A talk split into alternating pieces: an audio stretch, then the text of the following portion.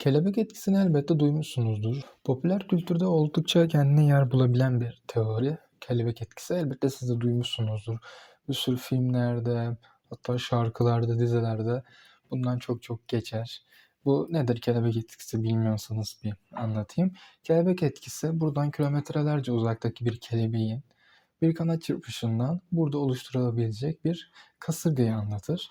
Bu hayatın e, ne kadar küçük ihtimallerin, küçük hareketlerin katlanarak bir çığ etkisiyle büyüyüp nasıl şeylere yol açabileceğini anlatır. Bugün sizlere birazcık kaos teorisinden bahsedeceğim, determinizmden bahsedeceğim. Hayatımız gerçekten hiçbir şekilde kontrol edilemez. Her şey bir kaos etrafında oluşan bir yapı mı, yoksa bir düzen var mıdır? Bunlardan birazcık kabaca bahsedeceğim. 1961 yılında Edward Lorenz isimli bir meteorolog çıkardığı matematiksel model ile hava durumunu birkaç dakika doğrulukla tahmin edebileceğini düşündü. Gerçekten de haklıydı. Kendi çıkardığı matematiksel düzlem ile hava durumunu tahmin edebiliyordu. Haliyle bunu daha uzun süreli tahminler içinde oluşturmak istedi. Planı mevcut hava durumunu sürekli güncelleyerek daha uzun sürelere uzanan tahminler oluşturabilmekti. Ve ilk zamanlarda bunu gerçekleştirdi. Günler ve hatta haftalar sonrasına kadar hava durumunu öngörebiliyordu. Bir gün tahminlerini yeniden düzenlerken bilgisayar tahmini yaparken yarısında durdu. Baştan başlayıp zaman kaybetmek yerine buraya kadar olan kısmı baz alarak bunu bir başlangıç noktası olarak kullandı. Sonuçta bir fark olmamalıydı. Basit bir üşengeçlik sonucu zaman kazandığını sanırken ortalık resmen karışmıştı. Ortaya çıkan sonuçlardan hiçbir anlam ortaya koyamamıştı. Devasa bir sapma vardı tüm hesaplamalarda. Çok geçmeden hatanın sebebini anladı. Bilgisayar tahminleri 3 haneli olarak yazdırırken aslında hesaplamaları 6 haneli olarak yapıyordu. Yani Lorenz tahminlere 0,506 sayısıyla başlamıştı. Ama aslında bu sayıyı aldığı asıl sayı 0,506127 idi. Ufacık bir fark fakat sonuçlar dramatik bir şekilde farklı. Lorenz'in yaptığı bu küçük hata kaos teorisinin tohumlarıydı. Küçük bir sapma bütün sonucu köklü bir şekilde etkiliyor, küçük bir kelebeğin bir kanat çırpışı bir kasırgaya sebep olabiliyordu. Bir kaos hakimdi. İşte bu tüm kaos, tüm olasılıklar, kargaşa, insan olarak bizleri çok strese sokan, yıpratan şeylerdi.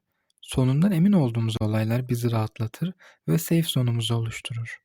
Bu noktada içinizi biraz rahatlatacağım. Kaos aslında bizim çok yanlış anladığımız bir kavram. Çözemediğimiz kaotik sistemlerin sonucunu algılayamamamız, bunları hiçbir zaman algılayamayacağımız anlamına gelmez. Hava durumlarından örnek verirsek, geçmişte olduğu gibi hava koşullarını tahmin etmek çok küçük değişkenlere bağlı olduğu için hala çok kaotik bir sistem. Fakat 1960'larda olduğu kadar kaotik değil. Doğa temelde deterministiktir. Olayların çok kompleks olması, kestirilemez olması determinizmi ortadan kaldırmaz. Sadece determinizmi kestirilemez kılar. Aslında videonun bu noktasında birazcık kaostan bahsederken böyle çok küçük bir olayların çok büyük sonuçlar oluşturabileceğine ve bunları kontrol edemediğimizi, anlayamadığımızdan bahsederken birazcık bunalırken, varoluşsal krizlere girerken determinizm bir kahraman gibi burada çıkıp bizi kurtaran bir şey gibi gözükürken aslında determinizmin de kendi içinde bizi varoluşsal krizlere sokabilecek bir olayı var. Bu da deterministik bir evrende ki ben çoğunlukla yaşadığımız evrenin deterministik olduğunu düşünüyorum.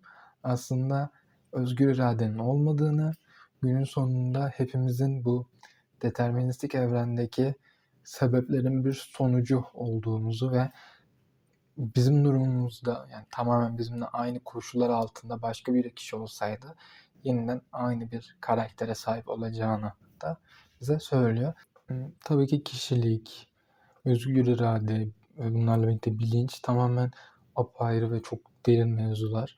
Hani şu anda bunlardan bahsetmek videonun konusunda birazcık saptıracağı için şu anda bunlardan bahsetmiyorum. Umarım video hoşunuza gitmiştir. Kaos teorisiyle, kelebek etkisiyle ilgili çok sığ da olsa birazcık bilgilendirici ama çok da böyle derinlere inmeyen, çok da sıkmayan bir içerik yapmaya çalıştım. Siz neler düşünüyorsunuz çok merak ediyorum. Yorumlarda sizin bu konuda fikirlerinizi de duymak isterim.